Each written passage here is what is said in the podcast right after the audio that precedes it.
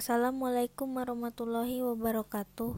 Perkenalkan nama saya Beneta Asmarani dari LPI 1C Pagi. Di sini saya ingin melakukan podcast dengan mata kuliah kewarganegaraan. Kali ini saya ingin menjawab pertanyaan dari tugas eksplor dan review undang-undang sesuai bidang studi bidang studi kemahiran.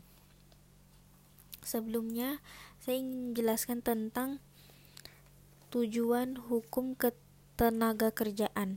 Tujuan dibentuknya hukum ketenaga kerjaan adalah untuk memberdayakan dan mendayagunakan tenaga kerja secara optimal dan manusiawi, memberikan perlindungan kepada tenaga kerja dalam mewujudkan kesejahteraan dan meningkatkan kesejahteraan tenaga kerja dan keluarganya.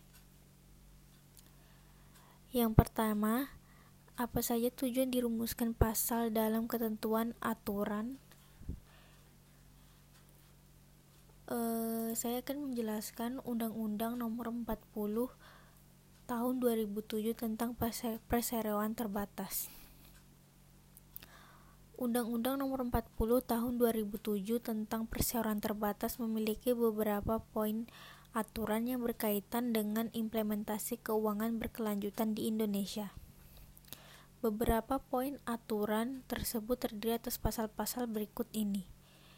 Yang pertama, bagian kedua pasal 66 ayat 6 menyatakan bahwa laporan tahunan harus memuat sekurang-kurangnya laporan keuangan, laporan mengenai kegiatan perseroan, laporan laporan pelaksanaan tanggung jawab sosial dan lingkungan, rincian masalah yang timbul selama tahun buku yang mempengaruhi kegiatan usaha perseroan, laporan tugas pengawasan yang telah dilaksanakan oleh Dewan Komisaris selama tahun buku yang baru lampau, nama anggota direksi dan anggota Dewan Komisaris, gaji dan tunjangan anggota direksi dan gaji Dewan Komisaris.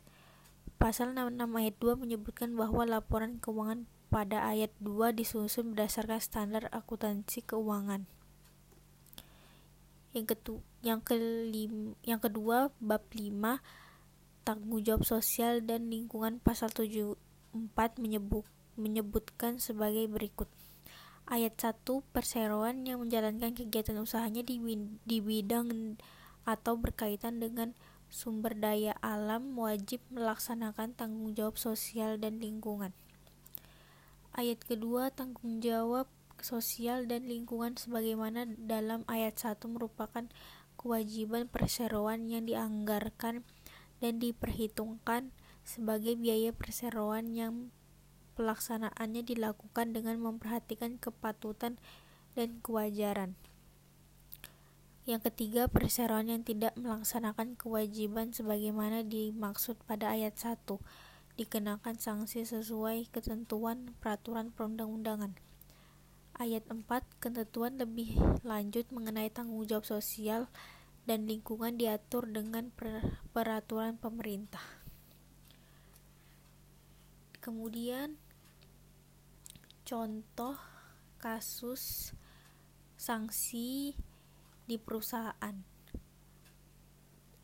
Ya, yang pertama saya akan menjelaskan tentang PT Tolutuk Marindo Pratama atau PT TMP perusahaan pengelola, pengolahan ikan beku yang berlokasi di Desa Inobonto 2, Kecamatan Bolang, melakukan pelanggaran terhadap UU Ketenaga Kerjaan. terdapat tiga pelanggaran yang dilakukan. Pelanggaran pertama, PT TMP tidak memiliki peraturan perusahaan. Hal ini bertentangan atau melanggar ketentuan pasal ayat 108 ayat 1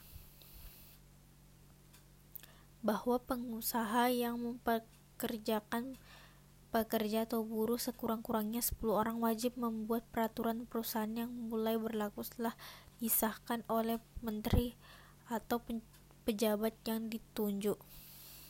Pelanggaran kedua, PT TMP tidak menerapkan upah minimum provinsi atau UMP kepada para karyawannya. PT TMP hanya membayar upah karyawan sebesar 1 juta per bulan. jauh di bawah UMP Provinsi Sulawesi Utara pada tahun 2013 sebesar 1.550.000. Pelanggaran ketiga, TMP juga tidak mengikutsertakan karyawan dalam program Jam Sostek atau Jaminan Sosial Tenaga Kerja. Sekian uh, jawaban dari dua pertanyaan. Lebih dan kurang mohon dimaafkan. Wassalamualaikum warahmatullahi wabarakatuh.